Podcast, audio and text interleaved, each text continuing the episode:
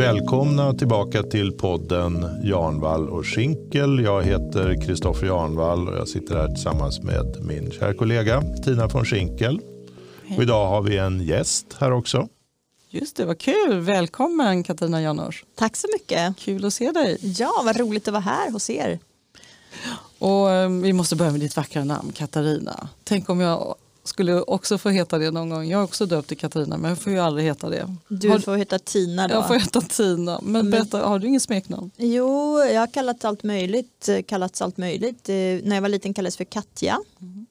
Eh, fast det är ju så i, eh, ja, i mitt gamla hemland då. Då är det liksom diminutivet av Katarina. Det är Katja. Och eh, sen när jag kom till Sverige då var det ju, vi var ju så många som hette Katarina då på 70-talet. Så då, och 70 och 80-talet det var ju sådana vanligt namn. Så det var Kattis och det var Katta och det var Katten och det var Katt. Katta 1, och- 2 och 3. Katta 1, 2 Mm. och 3. Men du, vi tänkte att du skulle få introducera dig själv eller presentera dig själv. Hur skulle du göra då? Ja, eh, jag är författare och jag är mm, debattör, opinionsbildare, eh, sex och relationsexpert. Eh, ja, allmän bråkstake kan man väl säga. Med bråkstake. Ja. Just det. Ja. Men det, det heter man, hajar till nu sa, på den tiden hette man Katarina. Heter man inte Katarina idag? Ni heter ju Katarina båda två, men inte småtjejer kanske? Eh, jag vet någon enstaka men det är ju inte ett vanligt namn men det kanske gör comeback. Det tänker kommer jag. Vi får- tillbaka. vi får när- hoppas på det, eller hur? när Den här klassiska- och farmödrar och Ja, sådär. Ja, Cecilia, Katarina, Charlotta, Maria, de här liksom Mm. klassiska namnen, kvinnonamnen. Kom, Kommer kommer tillbaka. säkert tillbaka. Mm. Men du är författare framför allt, eller hur? Ja. Hur många böcker har du skrivit? Och jag har skrivit så många böcker så jag kommer inte ihåg. Det står någon jättelång Wikipedia-lista. Sist jag tittade så var det väl uppåt 70 någonting. Men det är fler tror jag nu.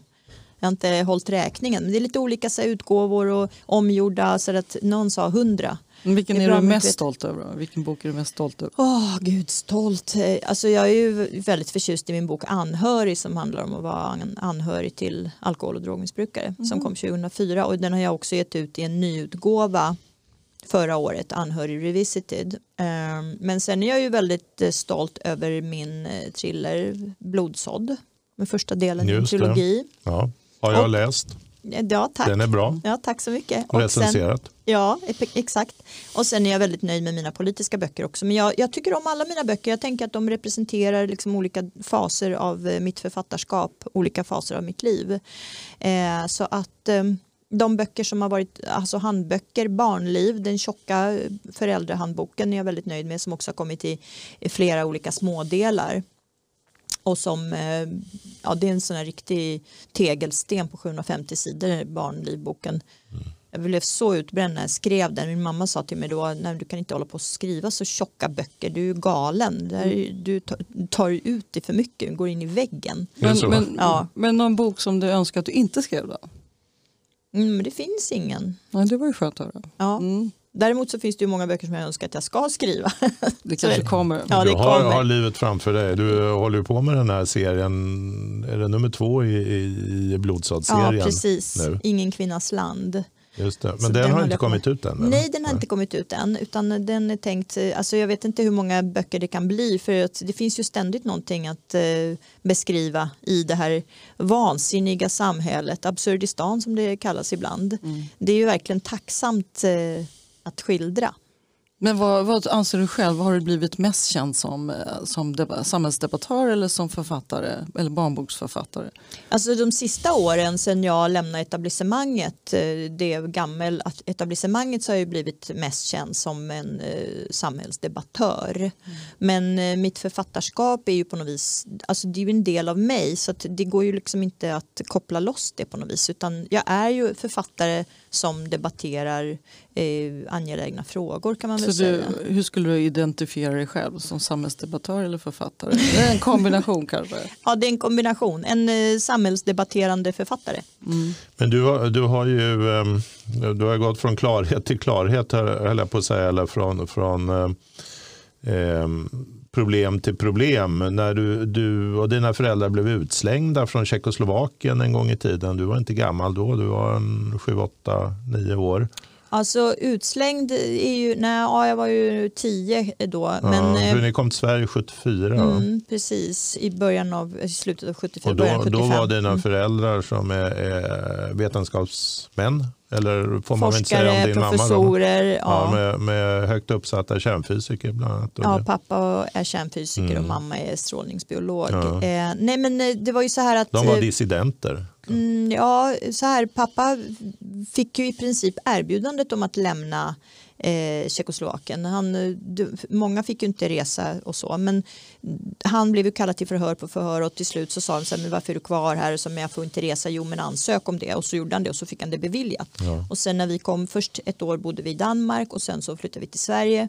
Och då eh, efter att vi hade kommit till Sverige så fick pappa meddelande om att han hade blivit av med sitt tjeckiska medborgarskap. Och det var då han sökte politisk asyl i Sverige. För att från början var ju tanken mer att vi skulle vara, hålla oss, alltså vi skulle resa ut och vara borta därifrån några år tills det hade lugnat ner sig. Han hade ju inte tänkt att vi skulle stanna i utlandet. Men det blev ju så att vi tvingades till det. Han då ville- fick inte de fick till- inte Nej. ha tillbaka pappa och eh, hans familj. Men då, varför blev vi- du just Sverige? Eh, därför att pappa blev erbjuden arbete här av Svenska Vetenskapsakademin. För fysikerna är ju lite speciell eh, kår där alla känner alla internationellt. Och då hade pappa mycket goda kontakter med en svensk fysiker som heter Erik Rudberg som var eh, ledamot av Svenska Vetenskapsakademin som tyvärr omkom väldigt tragiskt, gick genom isen och eh, drunknade en vinter. Mm. Jättetragiskt. En vä- väldigt, väldigt trevlig man, Erik Rudberg, jag träffade också honom, om en sån här stilig svensk herre, den här gamla skolan, lite vithårig och väldigt eh, distingerad. Så. Och han vart eh, ja, lite mecenat till min pappa kan man säga och, och bjöd in honom till Sverige så pappa fick jobb här helt enkelt. Och sen fick mamma också jobb på Stockholms universitet. Men du, du Det var själv... därför det blev Sverige. Ja, ja. Och det är just migrationsfrågan som har engagerat dig jättemycket. Hur kommer det sig? Migrationsfrågan engagerar mig därför att jag ser att den här kravlösa och ansvarslösa migrationen har förstört Sverige. Men det var inget speciellt som hände, ingen, ingen händelse, en specifik Ja. händelse i ditt. Det är inte personligt på något sätt. Eh, personligt och personligt, jag ser väl att ett välfungerande land som jag eh, har eh, älskat eller älskar och som jag också anser har tagit väl emot oss har blivit väldigt skadat av hur politikerna, det är ju inte de enskilda människornas fel utan det är ju politikerna, de ansvariga, de styrande eller vanstyrandes fel att det har blivit så. Och eh, jag ser att migrationen som är den röda tråden som går igenom alla Sveriges problem eh, de senaste decennierna. Så det är självklart att den frågan engagerar mig. När man också ser hur, hur man fortsätter att eh, förhålla sig till, i den här frågan på ett sätt som, som är dysfunktionellt och destruktivt som skadar Sverige. Så det, det är det som genomsyrar alla samhälls samhällsområden som inte fungerar. Det är därför som vi har de här problemen med utanförskapsområden, med islamisering, med eh, kollapsande vård, skola, polis, eh, alltså alla samhällsfunktioner. Därför att man kan inte göra så i ett land med begränsade resurser att man tar in människor som dels inte vill samarbeta, dels är för många. Det säger ju sig självt och jag brukar ju göra jämförelsen med en familj som har ett hus och som har kanske barn och utgifter, inkomster. Man kan inte bjuda in hela gatans människor och säga ni kan bo fritt i vårt hus, ni kan göra vad ni vill, ni kan, ni kan eh, använda våra saker. Det fungerar ju inte så i våra privata liv med vårt privata ägande. Varför ska det fungera så i ett land? Ja, för Socialdemokraterna de anser ju att det här var eh, nödvändigt. Man var ju tvungen att, att ta in invandring för att rädda välfärden. Du Ja. tror inte på det? Nej, jag tycker att det är en myt och jag skulle kunna säga så här att det beror lite grann på vad för slags invandring. Tar man in människor som enbart eh, tär på välfärden och som faktiskt enbart utnyttjar bidragssystemet som är väldigt generöst och väldigt eh, icke-anpassat till dagens eh, situation, ja men då blir det ju katastrof. Och det är den katastrofen vi någonstans sitter i idag. Men du, hur var det Sverige som du kom till och, och, och lärde känna på 70-talet? Oh, det var ju ett det är ju väldigt roligt faktiskt för att den här omsorgen om invandrare har ju funnits eh, sedan dess kan man säga och redan innan. Eh, det var ett samhälle som vi kom till och vi var ju invandrare i ett område där det inte alls fanns några invandrare i princip förutom kanske en del finnar och så. Norr om Stockholm? Norr om? Stockholm Mm. i Täby. eh, en medborgarstyrd kommun, fortfarande så. Moderatstyrd. Eh, me- Medborgare, Mm, mm, mm. moderat, nu vart jag trött i munnen här. Du tänkte på Medborgerlig Samling? Medborgerlig samling ja. tänkte jag på. En moderatstyrd kommun eh, där socialtjänsten ryckte ut med välmenande tanter som kom hem till oss för att titta på invandrarfamiljen och för att då bistå med goda råd.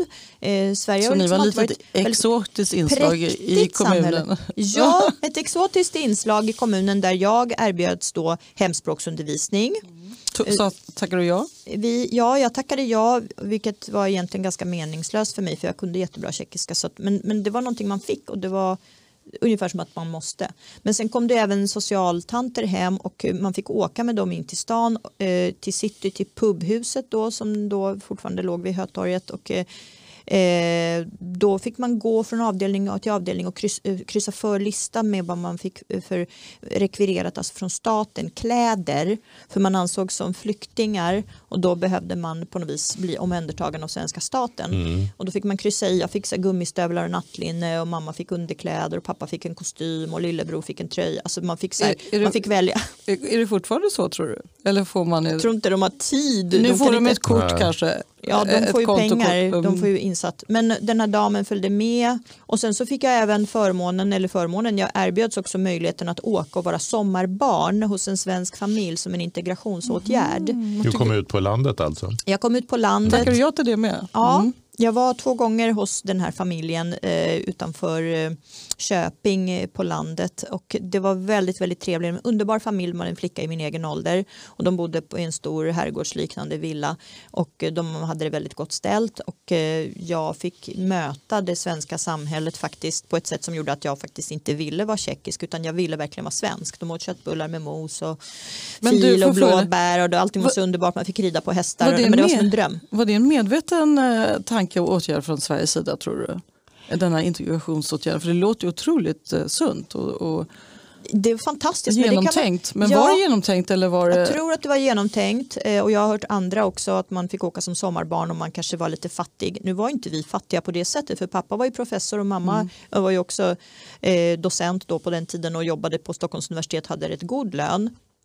Men eh, i mitt fall så tror jag man ville att jag skulle på något sätt få kontakt med det svenska samhället. Och saken är den i Sverige att det går att göra så om man har eh, om, om, om, det, om det är ett begränsat antal av individer som man då vill erbjuda det här till. Det säger ju sig självt att kommer det 100 000 personer så finns det ju ingen möjlighet till det. Det finns ju inte tillräckligt många familjer Nej. som kan ta sig Ja, an det här. Är man en ensam liten invandrarflicka som kommer och precis där som en politisk asyl. Är man någon liten eh, familj från någon intellektuell, någon professor från något land där man har blivit förföljd. Det går bra, då kan man ge asyl. Idag har ju asylbegreppet fullständigt urvattnats och missbrukas. Det fungerar inte längre och det finns ju ingen, det, alltså jag tycker hela det här asylsystemet ska egentligen skrotas, göras om. Det tycker jag med. Ja. Det är trams när man säger stå upp för asylrätten, det begriper jag ingenting av. Nej, det Fast finns ingen vad då? asylrätt längre Nej. på det sättet för man har ju också brutit mot alla förordningar, Dublinförordningen, Mm. att man ska få asyl i första säkra land. För det finns ju inte det första säkra landet för de som kommer ner från Mellanöstern. Sverige är inte det, det är sjunde, åttonde, tionde landet, jag vet inte, men det har ju helt... Man får gå, gå rätt långt innan man kommer till Sverige. Ja. Men du, hur, många, Absolut. hur många ska det vara tror du? Hur, du säger, jag vet ju också att det är 100 000 om året som kommer få Ja. uppehållstillstånd. Men, men hur många var det på 70-talet? Har du någon aning? Alltså, vad, vad, Oh. vad är det för belopp, eller summor vi pratar om? Pratar vi om Vi kan bara, 10 000 vi kan bara se, fem? nej det tror jag inte ens. Det kanske till och med kanske bara rör sig om några tusen. Alltså, vi kan se bara eh, antalet tjecker som flydde efter ockupationen 1968. Och de var 70 000. Ställ dig då, och det här var alltså hela, de, hela det dissident eller politiska flyktingar som, som lämnade Tjeckoslovakien i samband med ockupationen. Då kan du tänka 70 000, i Sverige är det då 100 000 per år som kommer hit. De här 70 000 de spreds över USA, Kanada, Europa, många åkte till Tyskland, några då, vi åkte ju senare, vi lämnade ju inte landet 68. Men tänk ändå 70 000, det är ju ändå rätt många. Tänk då att det är fler än så som kommer till Sverige varje år. Dessutom ska du tänka på att de här tjeckerna det var ju då många gånger utbildade människor, eh, människor med europeiska västerländska värderingar. Inte människor som på något sätt förväntade sig att samhällen skulle eh, försörja dem utan människor som själva arbetade och bidrog och som lämnade landet motvilligt. Men nu kommer det- man ju till Sverige för att man förväntar sig att Sverige Mm. ska fungera som en jättestor bankomat. Men så, eh, så som du beskriver det så var det ju ganska länge med migranter som kom till Sverige hade ju ingen annan förväntning än att här, här får man jobba och göra rätt för sig. Och det var Och också man de gjorde det. Mm. kraven som Sverige Men när- ställde. Jag vet Just att det. Sverige ställde de kraven och det berättar ju till exempel de italienska eh, invandrarna när de kom till Sverige för att jobba till exempel på ASEA i Västerås. Ja, Eller att man kom hit som någon annan slags Mm. Så kallad att jobba, gästarbetare. liksom. Man. Mm. kallades ju det. Man såg möjligheterna och man ville bidra. Man hade inga som helst förväntningar att det här landet, att här skulle man komma och liksom bre ut sig som någon slags kung och kräva underkastelse från medborgarna. Utan man visste att man kom som gäst på någon annans villkor. Arbetade man tillräckligt hårt och gjorde rätt för sig så, kunde, så blev man accepterad och etablerad, integrerad. Eh, sen, sen kan man ju fortsätta ha sin egen kultur men man måste ändå acceptera värdlandets regler. Men när hände det här skiftet? Nej. Eh, de menar ju på att det var den här propositionen som skrevs 1975 som Olof Palme och Anna-Greta Leijon undertecknade där man då på något vis eh, friskrev eh, invandrarna från nödvändigheten eller att de behövde integrera sig. Att man då på något vis slog fast att den som kommer till Sverige behöver inte integrera sig i Så Sverige. strax efter ni kom ungefär? Strax efter Mm. vi kom. det var, jag brukar säga det. 1975 fick vi svensk medborgarskap och sen kom även det här beslutet. Men vi var ju så väl integrerade. Alltså, mina föräldrar skulle aldrig någonsin kunna föreställa sig att de skulle leva på någon slags bidrag. Och varför fattar man ett sånt beslut då, 1975? Um, var jag tror att man var återigen kanske naiv eller man ville signalera godhet eh, och att man kanske inte överhuvudtaget kunde föreställa sig hur världen skulle utveckla sig. För 1975 fanns ju inte de här eh, migrationsströmmarna, vandringarna, den här typen av eh, folkförflyttningar och eh, Ja, alltså att en islamisering skulle kunna ske, att det skulle komma så många. Man hade kanske inte ens kunnat eh, drömma om det. En, inte. en del säger ju att, eh, jag vet inte om det är konspiratoriskt, men en del säger ju att, att från socialdemokratiskt håll så var det genomtänkt därför att man insåg att nu har människor i Sverige fått det så bra så snart kommer de att sluta rösta vänster och kommer de att rösta borgerligt istället. Då måste vi plocka in människor utifrån som det är synd om som kan fylla den här, eh, vad ska vi säga, Delar, kvoten ja, mm. och för, att, för att socialdemokratin ska kunna fortsätta sitta vid makten. Eh, Jag menar, man fick ju ett, ett ganska bryskt uppvaknande 1976 när Palme åkte ut Mm. ur, ur eh, kanslihuset. Men, men jag tycker ändå att det känns väldigt sådär, alltså, ja jag tror att det finns Tycker det en, låter sökt. Jag tycker det låter sökt därför att det finns ju ingen som garanterar att de här människorna skulle rösta utifrån eh, vad man eh, faktiskt eh, eh, påbjöd på något vis. Och att, hur man, att man inbillar sig att man skulle kunna kontrollera människor på det sättet. Jag tror, jag tror inte att man eh, jag tror att man försökte vara modern i sitt tänkande på något vis och, upp, och, och uppvisa någon slags eh, liberal eh, humanistisk sida så som Sverige hela tiden har velat signalera att man är. Men en humanistisk 1975, stormakt. det är ju länge sedan. Och det är, Det är många, många sedan. år att tänka och fundera och analysera Mm. och sätta kanske stopp. Varför har man inte gjort det tror du? Det, det Tror- accelererar ju nästan till och med. Jag tror att man har haft en eh, bedräglig känsla av att man har kontroll över situationen. Jag tror att man har tyckt det därför att man har också haft det. Man har på något sätt placerat människor, alltså jag anser ju faktiskt Socialdemokraterna vara arkitekter bakom hela den här sjuka modellen.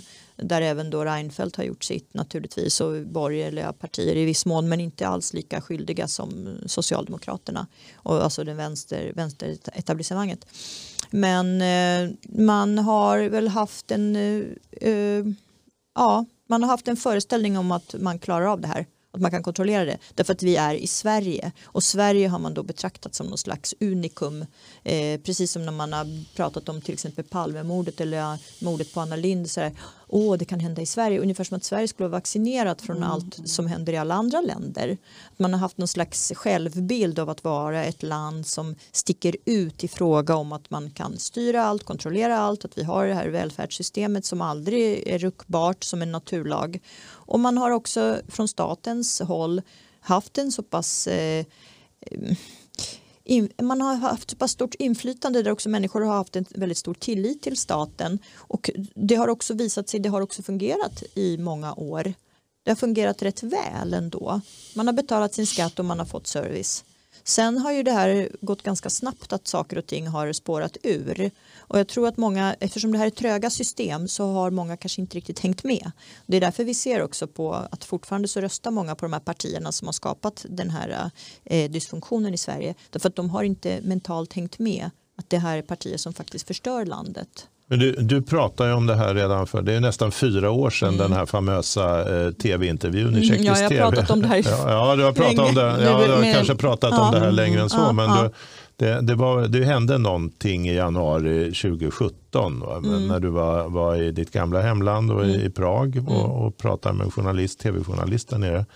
Och Ehm, eh, I just migrationsfrågor? Nej men de hade ju, det var alltså i Sverige, vad, nej, men, vad, nej, men vad som alltså, hände med Sverige? Berätta, vad var, nej, men alltså, migrationsvågen 2015 som var väldigt förödande för Sverige eh, där det kom också väldigt många eh, så kallade ensamkommande det, det, som man kallar för ensamkommande barn som i själva verket var män som ljög sig in i Sverige mm. och vars syfte man egentligen eh, inte riktigt kan eh, veta men som man förstod många var ju så kallade ankarbarn för att de skulle kunna ta hit sina anhöriga för att man hade då Det var, det var en, ett vedertaget begrepp redan ja, då. Ja det mm. var det men det fick man inte säga för det var inte politiskt korrekt. Mm. Men eh, för då blev man betraktad som främlingsfientlig. Ankarbarn, mm. vi kanske ska berätta vad det betyder. Det betyder att man tar, tar, skickar ett barn till Sverige och sen så får den etablering i Sverige för ett barn får automatiskt uppehållstillstånd och så kunde kan barnet ta, rätten ta hit sin familj ja, sen, vilket kan bestå av x antal anhöriga som man inte riktigt vet och det är den här stora anhöriginvandringen det är där man också nu idag ljuger om hur många det är som kommer Men tillbaka till Sverige. till din intervju. Ja, tillbaka till det här. Mm.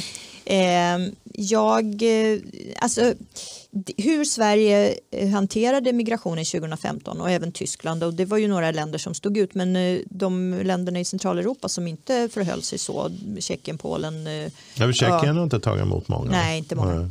Inte Polen heller, Ungern för den ja. delen eller Slovakien. De Visegrad-gruppen eller Visegrad-länderna som man säger, de fyra länderna de såg ju givetvis med förfäran på de här länderna i Västeuropa som faktiskt eh, höll på att duka under av den här massinvandringen. Eh, det kom ju 10 000 i veckan och man hade noll koll på vilka de var. Man kontrollerade dem inte, alla hade slängt sina pass, man tog inga hälsokontroller utan man lät bara människor strömma in i landet vilket var alldeles eh, tokigt. Och det är klart att de observerade sen nyhetsrapporteringen om att det hade liksom blivit mer våld och mer kriminalitet och våldtäktsvågen och allt det där. Och de började ifrågasätta lite grann. Och eftersom jag då står med båda fötterna i alltså en fot i Tjeckien och en fot i Sverige. Och eftersom jag är då en väldigt etablerad också tjeckisk författare eh, i Tjeckien.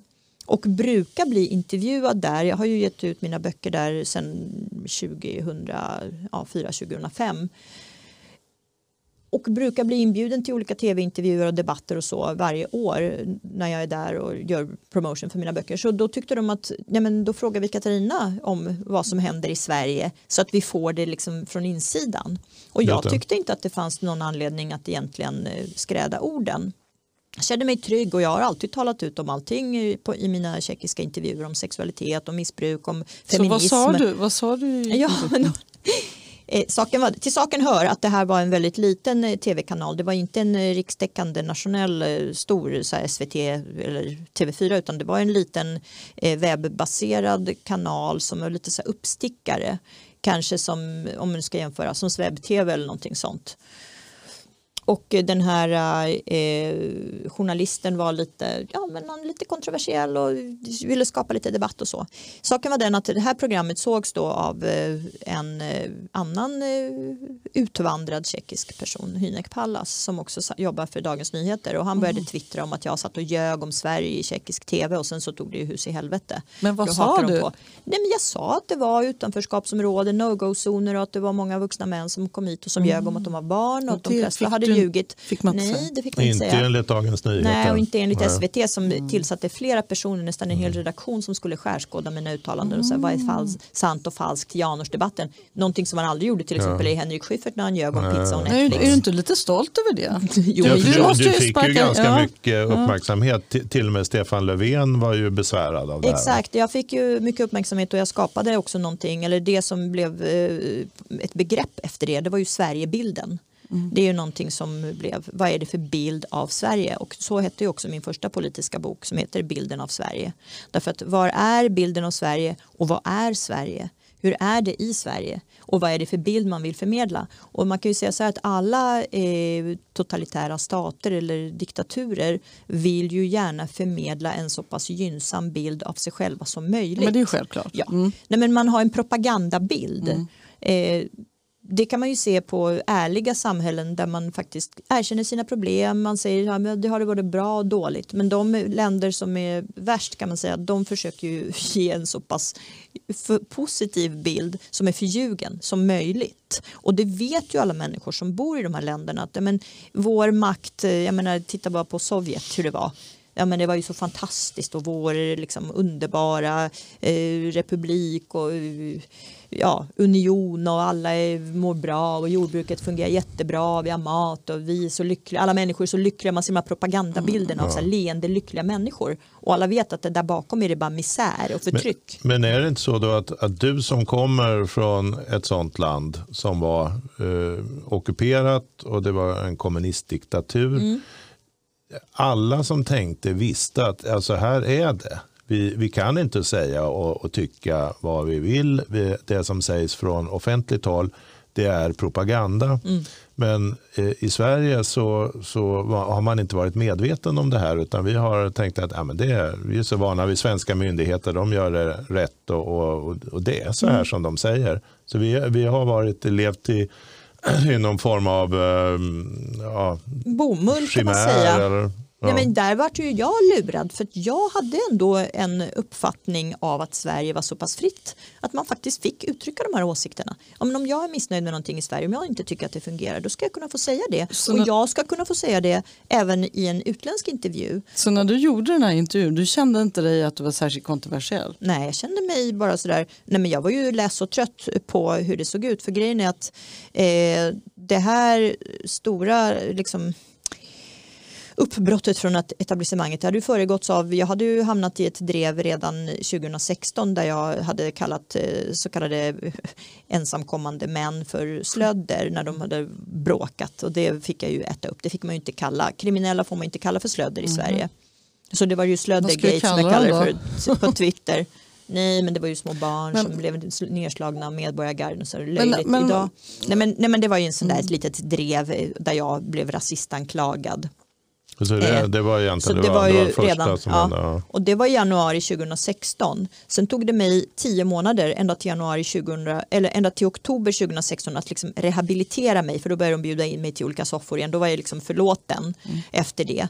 Eh, och sen tog, då var det bara oktober, november, december. Så i januari så körde jag på då i Tjeckien. Så det, jag, fick, jag fick tre månader till i värmen där mellan 2016 och 2017. Men så här med Jag i trodde att det var- att nu när du har facit i hand. Mm.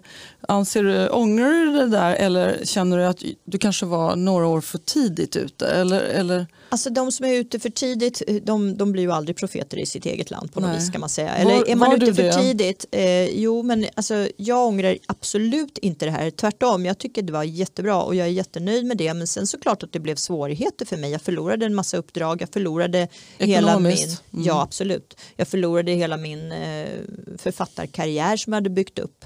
Barnböckerna är ju det jag kanske sörjer allra mest. För det andra kan jag väl tycka ändå är, jag kan ge ut mina vuxenböcker på annat håll. Men barnböckerna sörjer jag för de var väldigt, väldigt populära och jag får i princip varje vecka frågor om Ingrid-böckerna. Var kan vi köpa dem? Mina barn älskar dem. Eh, varför kommer de inte ut? Och jag har bollat detta tillbaka till Bonnier Carlsen men de, ja jag vet inte, nej, men de, har de rättigheterna? Du kan inte trycka dem någon annanstans? jag har rättigheterna till mina texter men jag jobbar ju tillsammans med en illustratör. Och henne har jag kontaktat och velat att vi ska ut med böckerna någon annanstans. Men hon fortsätter ju sitt samarbete med Bonniers och då vill hon kanske inte... Eh, Vilket ja. dilemma ja. Mm. Nej, hon har ett mm. dilemma. Jag hoppas ju att de här böckerna ska komma ut igen oavsett om de kommer ut, alltså så. Bonnier Carlsen tror jag inte, men kanske något annat förlag. Så ur det perspektivet så, så, så ångrar du dig? Nej, jag ångrar inte Nej. mig, men jag, jag, kan, jag tycker att det är sorgligt för att jag tycker synd om barnen som inte får böckerna. Där kan jag känna att det är orättvist. just Det är inte egentligen så mycket för min egen del, även om jag tycker, tyckte väldigt mycket om den här barnboksdelen. Eh, jag blev för övrigt bara kallad för barnboksförfattare, Men, så någonting som är nedsättande och det tycker inte jag är nedsättande alls att vara barnboksförfattare. Men jag är mycket, mer, jag är mycket mer än en barnboksförfattare. Ja, men du har skrivit mycket, mycket om relationer, mm. du har skrivit barnböcker. Och skönlitteratur för vuxna. Skönlitteratur för ja. vuxna, du skriver eh, politik, ja. Eh, liksom en politisk touch i ja. det du skriver idag. Ja. Eh, så att eh, du har ett ganska brett spektrum och någon form av röd tråd finns det ju i det här, eller hur? Den röda tråden är ju att jag eh, eh försöker vara ärlig, uppriktig och hederlig i det jag skriver men att jag också vill eh, skapa en nytta. Det är därför jag har varit rådgivare för att jag vill hjälpa människor i deras relationer Eh, det är därför jag skrivit om missbruk för att jag vill hjälpa människor att ta sig ur missbruk och destruktiva relationer. Och det är därför jag också skrivit om politik därför att jag vill hjälpa landet Sverige på fötter. Vilket man bara kan göra om man identifierar problemen, talar öppet om dem och eh, får bort de eh, dysfunktionella politikerna från makten.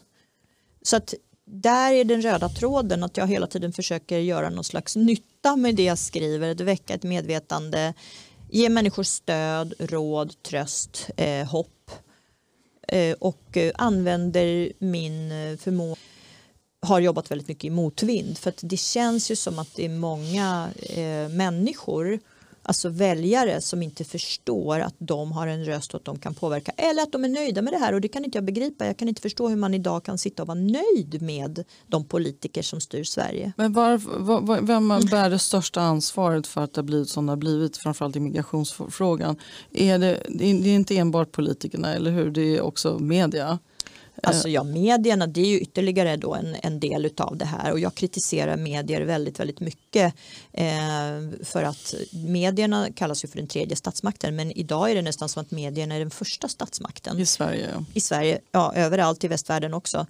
Eh, därför att medierna är de som låter de ansvariga politikerna komma undan. Medierna är jätteduktiga på att dreva mot eh, kritiker, mot kändisar, mot alla möjliga personer och medierna har verkligen förmågan och makten att skapa sånt tryck på makthavare att de kanske avgår eller att de eh, ändrar sin politik eller att de ska avslöja oegentligheter men de gör inte det. Och varför gör de inte det? Därför att de är vänner med den här makten, därför att de själva har de här politiska sympatierna och därför att de är, eh, jag tror att de är korrupta förljugna. De får ju stöd, statligt pressstöd. Mm. Mm. Och de sitter i eh, positioner där de kanske inte vågar, de har sina bostadsrätter, de måste betala av, de, de är rädda om sina jobb. Det blir en tystnadskultur, en åsiktskorridor där de här medierna korrumpera varandra helt enkelt där man har olika lojaliteter som är osunda. Och det är det som har hänt nu, är det inte så, va, kring Centerpartiet och Fredrik Federley-skandalen ja. här.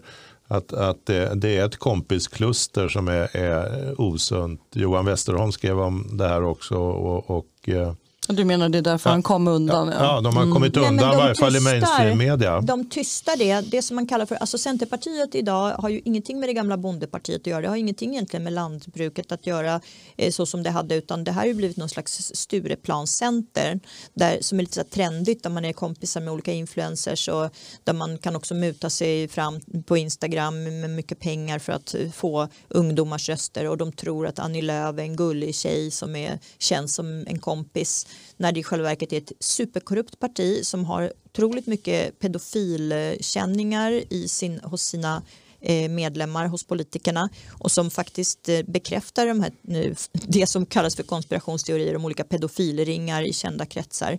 Så för mig är det totalt vidrigt hur ett parti kan eh, normalisera sexuella övergrepp av barn men har man faktiskt- gjort det? Har man verkligen Ja, gjort det, det? det anser jag därför att man har inte tagit avstånd. Ja, man har inte tagit Men- avstånd. Men, eh, Nej, men man den- har inte tydligt förklarat att det här inte är okej. Man har inte sparkat Ja, ut någon. Nej, Det har, politiker. det har inte. Annie Lööf gjort. Det har Annie Lööf Nej. har inte Nej. gjort det i Nej. dag, till dags dato och medierna har inte heller pressat.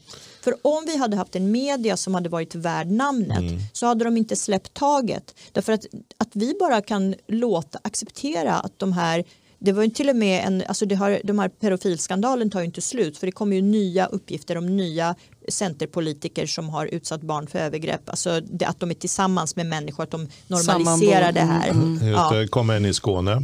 Ja, Eh, det kommer ju flera. Kommunstyrelsens ordförande i Tomelilla? Ja, igår. Men, men vi har faktiskt. minst fem olika. Vi har övergrepp av unga tjejer, en dömd kille i Uppsala, Oskar Åsberg som var center, eh, Centerpartiets ledare där.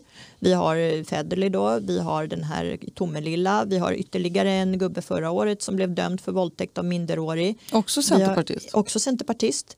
Jag minns inte namnet nu.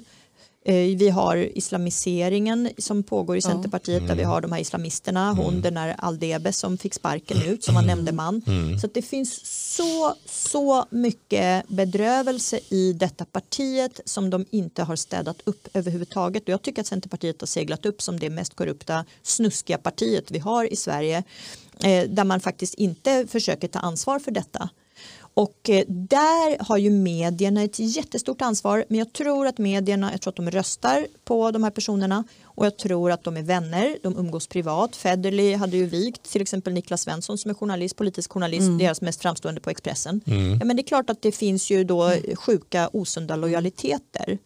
Och för att man ska kunna städa ur det så måste man ju då ha journalister som inte bryr sig om de här lojaliteterna. Nej, men jag håller med dig, där har ju eh, media gjort ett yppligt jobb för SDs del. De har ju verkligen sett till att SD har städat ordentligt i sina led. För det är Ja. klart att det kommer ju in alltid drägg i parti, det går ju inte att undvika. Nej. Så där, det är som du säger, då måste media göra sitt Men i, jobb. vad det gäller SD så har ju medierna tvärtom gått på stenhårt även vad det gäller petitesser Mm. och för att skapa drev, för att misstänkliggöra SD, för att förstöra för SD. Återigen handlar det om journalisternas politiska sympatier. De är anti-SD och då drevar de de minsta lilla sak. Jag menar, tänk er om det hade varit en SD-politiker Oj, oj, oj. som hade varit tillsammans med en pedofil. Men på Det hade blivit liv ja. Då hade vi fått läsa om det vecka ut och Det vecka hade varit en följetong på löpsedlarna. Vi hade inte, Det hade varit SVT, TV4, det hade varit debatter, krismöten, rubb. Men det, det är kanske också på sätt och vis bra för Sverigedemokraterna. För, de har, ja, Mm. för de har, har rensat i leden på det sättet. Ja. Som de andra partierna inte har gjort. Nej, men att- man skulle kunna säga att politikerna behöver är ju medians, alternativmedia. medians roll där faktiskt. Ja men medier Ja. ska gräva fram skandaler och medier ska definitivt inte respektera politiker. Men sen är det ju också så här man kan tycka att ah, men de är bara människor. Och du säger bara nej de är inte bara Nej, de människor för inte de bara- är satta till att bestämma över oss andra.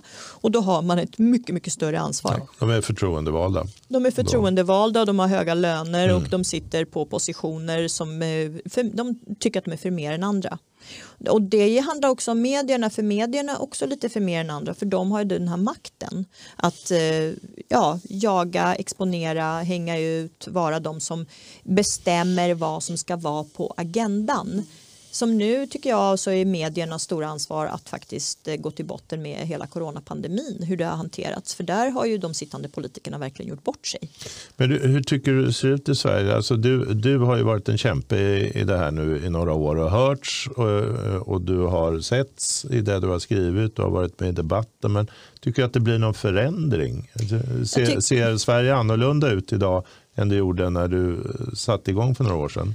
Ja, eh, det tycker jag nog att det gör. Därför att mycket av det som vi, jag och andra, en handfull personer har eh, pratat om och torgfört eh, har ju blivit lite mer allmängods att prata om. Det är inte lika farligt längre eller det är inte lika tabubelagt att vara kritisk om migrationen. Nu har ju också fler och fler börjat prata om det här med återvandring och att vi behöver ha en slags ett hemvändande av människor som faktiskt inte gynnar Sverige eller som inte Vill ta fungerar del av här. Sverige. Vad sa du? Mm. Som vill ta del av Sverige. Mm. Ja exakt så, som inte respekterar Sverige och som inte liksom, samarbetar i det här samma- Hur samhället. sa man det för några år sedan? Då var man ganska Då långt var ut. man väldigt långt ut och då blev man ifrågasatt och det blev ramaskri. Det blir inte det på samma Men kommer sätt. det ske tror du någonsin återvandring? Eh, Jag hoppas det. Det har ju skett historiskt i andra samhällen. Man har kunnat eh, flytta människor från det ena stället till Till det slut andra. får väl även vi svenskar nog? Men skulle man inte Ja, kunna det se... Man Många skulle, frågor här på samma gång. man skulle kunna se det som ett bistånd. Att de får komma hit och utbilda sig och sen tillbaka till sina hemländer och bygga deras hemland. Det är Ja, en men form av bistånd. Ja, ja, det är ett slags bistånd men sen är det ju många som inte utbildar sig heller utan Nej, som bara kommit hit och slagit dank. Man skulle kunna vända på det Ja. till något positivt. Ja, det är en mycket smart idé. Det är en jättebra idé. Det finns många olika aspekter av det givetvis men eh, situationen är ohållbar så som det ser ut idag så det måste ju till praktiska lösningar och jag är väldigt fokuserad på att lösa saker praktiskt. Vad är det som liksom behöver ske för att det här ska kunna fungera för att vi ska få Sverige tillbaka åtminstone. Okej, det kanske aldrig kommer vara tillbaka så som det har varit men att vi åtminstone får ett land som fungerar någorlunda good enough. Men hur ser man på Sverige i Tjeckien? Jag, jag kan berätta en anekdot för några år sedan. Det var 2015 träffade jag en eh, kompis i Polen, nere i Polen. Det var, var mitt under eh, migrationskrisen då på hösten.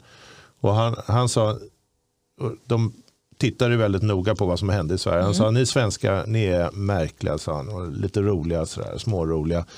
För 300 år sedan var Karl XII här nere med 10 000 man och tog hela Polen. Och idag kan inte ens stänga gränsen. Nej, precis. Är, är det så man ser på Sverige? Eh, Man ser på Sverige som ett väldigt kravlöst och naivt land. Eh, Det är generellt eh, ett rykte men också ute i världen så är ju Sverige beryktat för att ha väldigt låga straff för brottslighet och att gränserna är öppna och att det är fortfarande ett rikt land och att det är i princip fritt fram att begå brott här. Det ryktet tycker jag är väldigt tragiskt. Wow. Eh, Förfärligt. Nej, och det är det, det säger man på gatan idag i, i, i Prag till exempel. Är Ja det säger man. Man säger så att svenskarna är inte kloka. Vad är det som har hänt? Mm. Och det är faktiskt som min pappa brukar fråga mig. Min gamla pappa som eh, har sett Sveriges utveckling och som är en otroligt rättskaffens person. Och, eh, mycket... Som bor kvar? Nej, nej, de bor i Sverige, mina Ja, föräldrar. de bor kvar här. Ja. Ja, de bor kvar här. Ja. Mm. Men eh, han eh, brinner ju för yttrandefrihet och demokrati och så och har ju väldigt lite till övers för olika ytterkantsrörelser och så. Nej, men så pappa säger så här, men Katarina vad är det som har hänt? Sverige brukade ha kloka politiker. Vad är det som har hänt? Han förstår inte detta. Vad Hur svarar man- du honom? Vad sa du? Vad svarar du honom? Jag svarar honom så här att pappa jag vet faktiskt inte vad som har hänt. Jag är lika förfärad som du och det, det är ju fruktansvärt att det är eh, på det här sättet i Sverige. Eh, att det inte fungerar. Ehm, vad var vi? Jo, nej men vad säger man på gatan? Ja. På gatan säger man så här, det är det som pappa säger att eh, vad, Sverige har ju varit ett sånt föregångsland. Den bilden av Sverige finns ju fortfarande kvar i viss mån. Men att man har också förstått att Sverige har blivit det landet som är en visa på stan där man mm, upplåter landet åt terrorister, att man ger dem bidrag och skyddad identitet, att man daltar med grovt kriminella. Om vi bara jämför med Danmark, de här gängkriminella fick ju stenhårda straff där och de var ju chockade. Därför att i Sverige, vad skulle de fått här? Bullar och lite socialtjänst och, och lite ungdomsvård Ja. och sen straffrabatt. För ju mer du har mördat och skjutit desto mer straffrabatt får du. Svenska rättsväsendet är ju ett skämt idag. Och eh, även polisen faktiskt som eh, allt fler får mindre förtroende för därför att man har ju totalt frångått sina kärnuppgifter och blivit en politiserad myndighet som håller på med genusfrågor och annat trams som polis absolut inte ska hålla på med. Det ska inte vara någon politisk Nej, de ska väl myndighet. ta boar och banditer och låsa in dem. De ska skydda befolkningen från brott och de ska tjäna, ja, de, de ska helt enkelt se till att vi är trygga, vilket de idag inte gör. Men vi ska inte glömma bort att polisen kan ju inte göra så mycket om vi har taskiga lagar. Nej, och de har en taskig ledning också. Man har eh, totalt förstört den myndigheten genom att först tillsätta Dan Eliasson som chef där. Som har, han har förstört, det som är lustigt i Sverige också att man kan förstöra myndighet efter myndighet och så får man hela tiden belöning i form av ett bättre uppdrag och mer pengar och liksom att man får någon slags, eh, ja man uppgraderar sig ju mer man förstör. Ja, den där gamle punkrockaren Dan Eliasson, han, han har gått från den ena, ena myndigheten till den andra och lämnat efter sig. Och nu sitter han på Myndigheten för samhällsberedskap. Samhällsskydd och beredskap, ja, samhällsskydd och beredskap. ja. Som Ja. varit helt osynlig under den här pandemin. Ja, vilket, är vi helt kan tacka för i och Nej, för sig. de kom med ett litet sms Ja, häromdagen, det SMS-et. ska vi inte glömma. Ja, okej Häromveckan jag kom de med sms som hade kostat 45 miljoner och Mm. Ja. eh, utredningar och saker som inte sa någonting i princip. Och det är ju ganska symptomatiskt för hela eh, Sveriges hantering av alltihopa. Man har ju helt lagt ner all beredskap. Man har bränt upp skyddsutrustning för att man inte tyckt att den duger. Mm. Eh, man har sålt sina plan som ska bekämpa bränder, vilket vi såg här om sommaren när det brann i Sverige. Då Fick hjälp. polackerna komma? Polackerna och italienarna Mm. fick komma. Eh, Jag tycker polackerna och italienarna kan komma nu och städa upp i no-go-zonerna. De kan städa upp i gettorna. Vi behöver faktiskt hjälp av andra Med länders lite eh, brandsprutor. brandsprutor Mm. eller whatever nu, riktigt hårda snutar. Mm. Eh, vi satt och pratade ett gäng om att eh, man skulle bara låta någon eh, sån här poliskår, serbisk polis eller whatever, rysk kanske, gå in i, säger Rinkeby och bara säga nu tar vi över, nu har vi egna domstolar, egen polis och alltihopa, nu, nu slår vi en ring här. Och alltså det skulle vara lugnt på en vecka. Ja, ja, jo det är ju, det, det blir, är ju ganska drastiskt. Men lugnt, lugnt skulle det nog bli. Nej men det skulle vara slut och då skulle de andra gettorna se aha, vad som händer där. Vill ni skulle- också ha, Vad skulle svenska myndigheter behöva göra tror du? svenska myndigheter behöver bara liksom shut the fuck up och flytta på sig. Nej, men jag menar, andra... ja, självklart kommer ju inte några ryska poliser att hjälpa oss. Det är ju ingen som vill komma hit och hjälpa oss. Men Nej, vad, vad, vad, tror, vad krävs för att få, Nej, men svenska myndigheter behöver ju steppa upp och bli liksom de myndigheter som människorna vill ha. men rent konkret, Många vad behöver göras vill i ju- Sverige? Många utlänningar vill ju att myndigheterna ska steppa upp. Alltså det är ju kanske fler utlänningar än svenskar som är missnöjda med det här. Jag Mm. träffar ju många som säger bara så här, vad är det som händer? Det här är vansinnigt, jag hatar det här. Självklart. De avskyr det här för de är ju de som drabbas mest av kriminaliteten. De Men skötsamma Katarina- invandrarna som bor i de här områdena. Vad, vad, vad behövs göras rent kon- konkret anser du? Rent konkret så behöver vi, eh, anser jag, skaffa eh, fängelseplatser utomlands, eh, bilda, ska, eh, skriva avtal med andra länders fängelsevård. Och det här har också varit på tapeten och blivit ramaskri. Men vi behöver inte bygga egna fängelser utan vi kan bara hyra fängelseplatser och få ut alla kriminella utlänningar. Det är steg ett. Eh, Vi behöver mycket hårdare påföljder, behöver ändra i rättsväsendet. Alla de här sönderpolitiserade åklagarna som är ett gäng kärringar, batikhäxor som sitter och dömer larviga straff, alltså, eller som, som bara låter överklaga hit och dit, olika nämndemän, olika politiska aktivister i domstolarna. Det behöver ju bort, hela det här värdegrundstjafset och Men de går ju efter den svenska lag som finns. Man måste ju ändra lagen i första hand och det är ju riksdagen Och då som ska får man göra. göra det. Då får man se så här, nu har vi exceptionella omständigheter. Nu får vi liksom gå in här och så får vi se på vad är det vi behöver göra. De har ju kommit med Regeringen har ju kommit med så här 34 punkts åtgärdsprogram för att komma till rätta med gängkriminaliteten. Jag har läst det här åtgärdsprogrammet, det är ju ingenting. Det är bara utredningar väl? Det är utredningar Mm. på utredningar och sen några larviga olika vapendirektiv som bara är ingenting. Och det visade sig ju nu skulle man ha en handgranatamnesti här om året. Vad kom det in då? Det kom in en påse nötter. Det kom inte in någonting. Vem, vad tror de? Att, folk ska, att gängkriminella ska komma in med sina handgranater? Här, hejsan farbror blå, här kommer jag med min handgranat. Men det var ju ett skämt. Nu hör jag att Katarina Janouch börjar gå igång redan. Nej, men, Ja, det gör jag. Precis. Och det är så börjar bli varm i kläderna här. Ja, ja. Ja. Men, Nej, men vad behöver göras? Eh, vi behöver ett asylstopp i Sverige. Vi behöver stoppa all invandring nu. Eh, det behöver bli mycket, mycket effektivare utvisningar av de som inte har asylskäl. Eh, vi behöver få bukt med allt bidragsfusk. Vi behöver få den här folkräkningen som man har sagt nej till därför att man anar att det skulle visa sig vara en total katastrof. Förmodligen. ja. Vi behöver strypa alla bidrag till icke-demokratiska organisationer. Nu har det gått ut pengar till Ibn Rushd igen fast de har varnat och, och visar att det här funkar inte. Vi behöver stänga de instanser som eh, hatpredikar mot vårt samhälle. Det behöver bli krav på eh, människor att vill ni vara en del av Sverige så måste ni också acceptera de här lagarna och reglerna.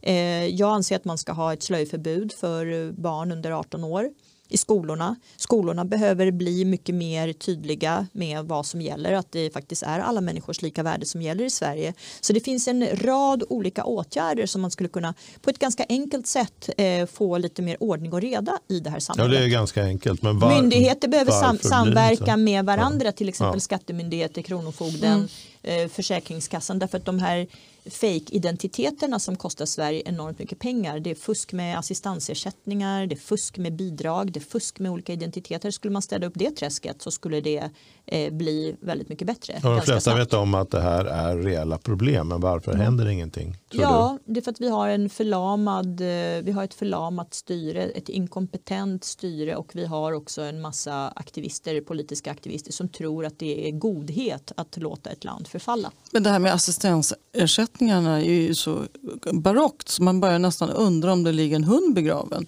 Varför de inte tar tag i det. Det är nästan som de är rädda att stöta sig med sina egna väljare. Någonting börjar man undra, varför tar man inte tag i en sån ja. självklar sak? Nej, det är förfärligt. Sen anser jag också att det är orättvist eh, att man har så pass mycket biståndspengar som går ut i andra länder som man också vet missbrukas av olika mm. diktaturer. Mm. Medan vi samtidigt har 300 000 fattigpensionärer som svälter i Sverige. Det är oanständigt. Mm. Det anstår inte ett eh, välfärdssamhälle att ha det på det sättet. Jag anser att man ska låta pengarna gå till de som behöver det. Eh, det finns många, alltså Sverige har fortfarande resurser. Vi skulle kunna eh, se till att alla fattigpensionärer har ett anständigt liv i Sverige. Det är prio ett. Mm. Ta hand om de hemlösa barn som finns i Sverige, alltså riktiga barn, fa svenska familjer som lever i fattigdom. De som bar barnen som verkligen är barn. De barn som är verkligen är barn och inte barn som är rädda 18. barnen som är, faktiskt inte ens uttalar sig om pedofilskandalen. Vad är det för någonting? Ecpat uttalar sig inte om pedofilskandalen. De här organisationerna vi har i Sverige som bara är förljugna. Ja, det där är konstigt. Det, hela den där pedofilskandalen i Centern är ja, vi, måste, vi kommer tillbaka till den hela tiden ja, för att den ja. är så chockerande. Den är, och det finns mycket att gräva i det här. Ja, och det, det finns det. Sista ordet är nog inte sagt. Nej. Nej. Men vi, vi kanske behöver börja runda av så småningom. Men jag har en jätteviktig ja. fråga som jag Tina. alltid önskat någon, om jag skulle bli kändis, att någon ska ställa mig den frågan. För nu ja. är jag inte kändis, men det är ju du Katarina. Ja, är du feminist?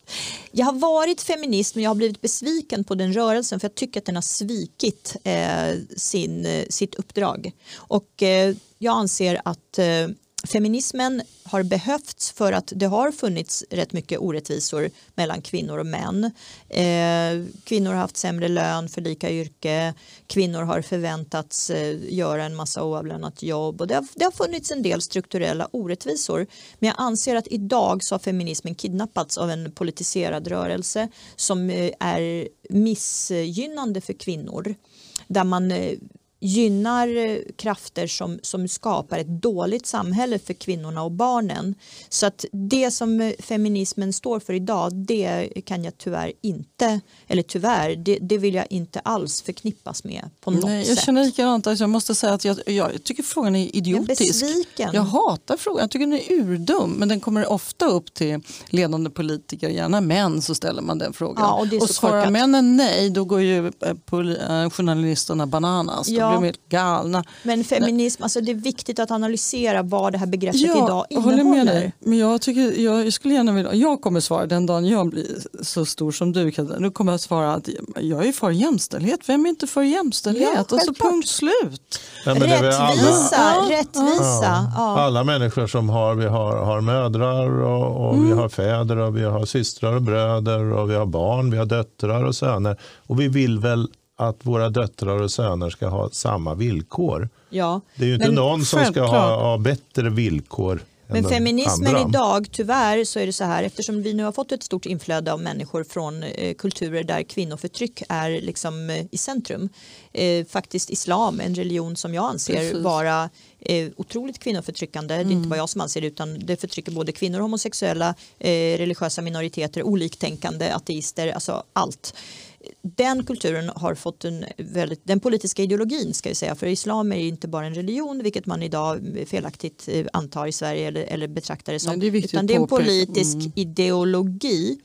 Den ideologin bygger på förtryck och våld och aggression. Och idag är de som kallar sig för feminister i Sverige, de vänsterliberala feministerna, de är anhängare av detta att man ska då betrakta eh, ett klädförtryck som slöjor och sånt innebär, att de betraktar detta som någon slags frihet. Då anser jag att man har svikit kvinnor det? i den fria världen. Hur kommer det sig att det har blivit så?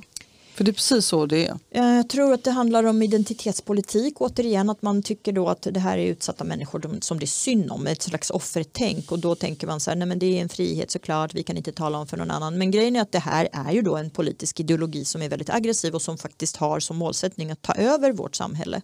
Våra samhällen ska jag säga, den har ju målsättning att ta över hela västvärlden och skapa islam i hela världen. Islam innebär ju underkastelse och man vill ju skapa ett kalifat inte bara i Sverige. Sverige är ett väldigt så här, tacksamt land att kunna göra det i för att människorna protesterar inte. Man anpassar de är sig. missionärer. Man, ja, de är missionärer. Men, du, men du säger egentligen att det bottnar i en okunnighet?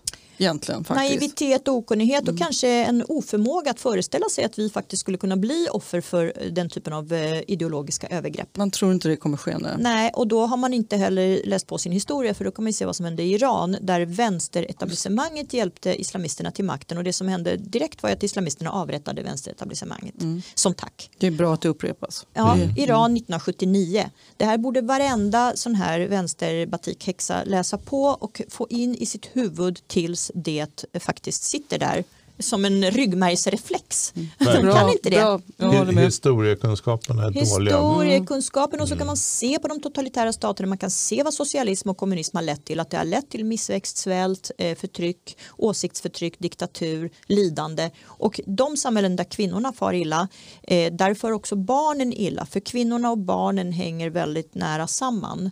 Eh, det kan vara bra för män eh, men kvinnorna, när kvinnorna inte mår bra i ett samhälle så mår inte heller barnen bra och jag skulle vilja faktiskt säga att många kvinnor i Sverige mår faktiskt inte särskilt bra idag. Den här konstiga feminismen som också har gjort att man ska eh, urvattna könen, att man ska på något vis bara vara en hen som är beige. Det är ingen som är intresserad av det. Jag som sexualrådgivare kan ju säga att sexualitet har ju ingen värdegrund utan man tänder ju på det man tänder på. Och eh, de här kvinnorna som kämpar stenhårt för att männen ska bli någon slags eh, mjukisklädda liksom, Eh, jag vet inte, låtsas kvinnor. Velourpappor. Väl, ja, men ja. velourpappor det är mm. fint. Alltså jämställdhet till en viss eh, grad men sen eh, i sängen så funkar inte det. Då vill mm. kvinnan ha en man som är som en manlig man och männen vill ha kvinnor. Och vi, det är därför vi också attraheras av varandra för att vi är olika. Och för mig är jämställdhet att könen ska vara jämställda men de ska få bejaka sina olikheter. Man ska kunna, eh, alltså nu finns det ju till och med påbud att man inte ska kalla mamma och pappa för mamma och pappa utan det ska vara någon slags förälderhen. Uff, Vad är det, är det för mycket, någonting? Det är så mycket vi ska lära oss. övergrepp oh. mot barnen. Ja. Man ska inte vara flicka pojke, man ska mm. inte få liksom, bejaka det man, sina intressen. Det skapar enormt mycket olycka och lidande i ett samhälle. Men det kan vi nästan, och, och, och vi bara, vi bara tiger och mm det är ett våld. Jag, jag tror att det här blir ett eh, ämne för sig i, en annan podd. Ja. Kanske tillsammans med dig. Ja absolut, Katarina. jag kommer gärna tillbaka. Kul att du ville komma Katarina. Ja, det var ju mycket här, jag känner att jag precis välkommen. kom igång. Ja, men det, var, det var så skönt att höra, nu känner vi igen det. Now ja. you're talking. Ja, men vad menar du, att jag, inte, att jag höll igen förut? Eller? Ja, du var ju lite, lite timid så här, ja, men nu, nu kom äh, ja, agitatorn Jag tycker det var många kloka ord. Så ja, tacksam för att du ville komma. Tack så mycket för att jag fick komma. Jättebra. Jag kommer tillbaka. God fortsättning på det nya året. Ja, God fortsättning på, på det nya året. Och, önskar vi alla äh, lyssnare. Ja, ska vi, och, och vi hoppas också att 2021 eh, ska bli eh, ett år som är kanske lite mer framtidshopp ja. än 2020 som blev ett, faktiskt för min del i alla fall ett besvikelsens år. Ja. Jag hade liksom, det, var mycket som, det var som en luftballong som luften gick ur på något ja, vis. Det var ett så. mellanår som Mellanår, var tragiskt på flera ja, sätt. Där många inte fick leva som de ville och så. Men nu, nu ser vi framåt. Det gör vi. Tack och hej. Stort tack Katarina Puss och kram, vi ses på stan. Yes, tack tack. Hej då.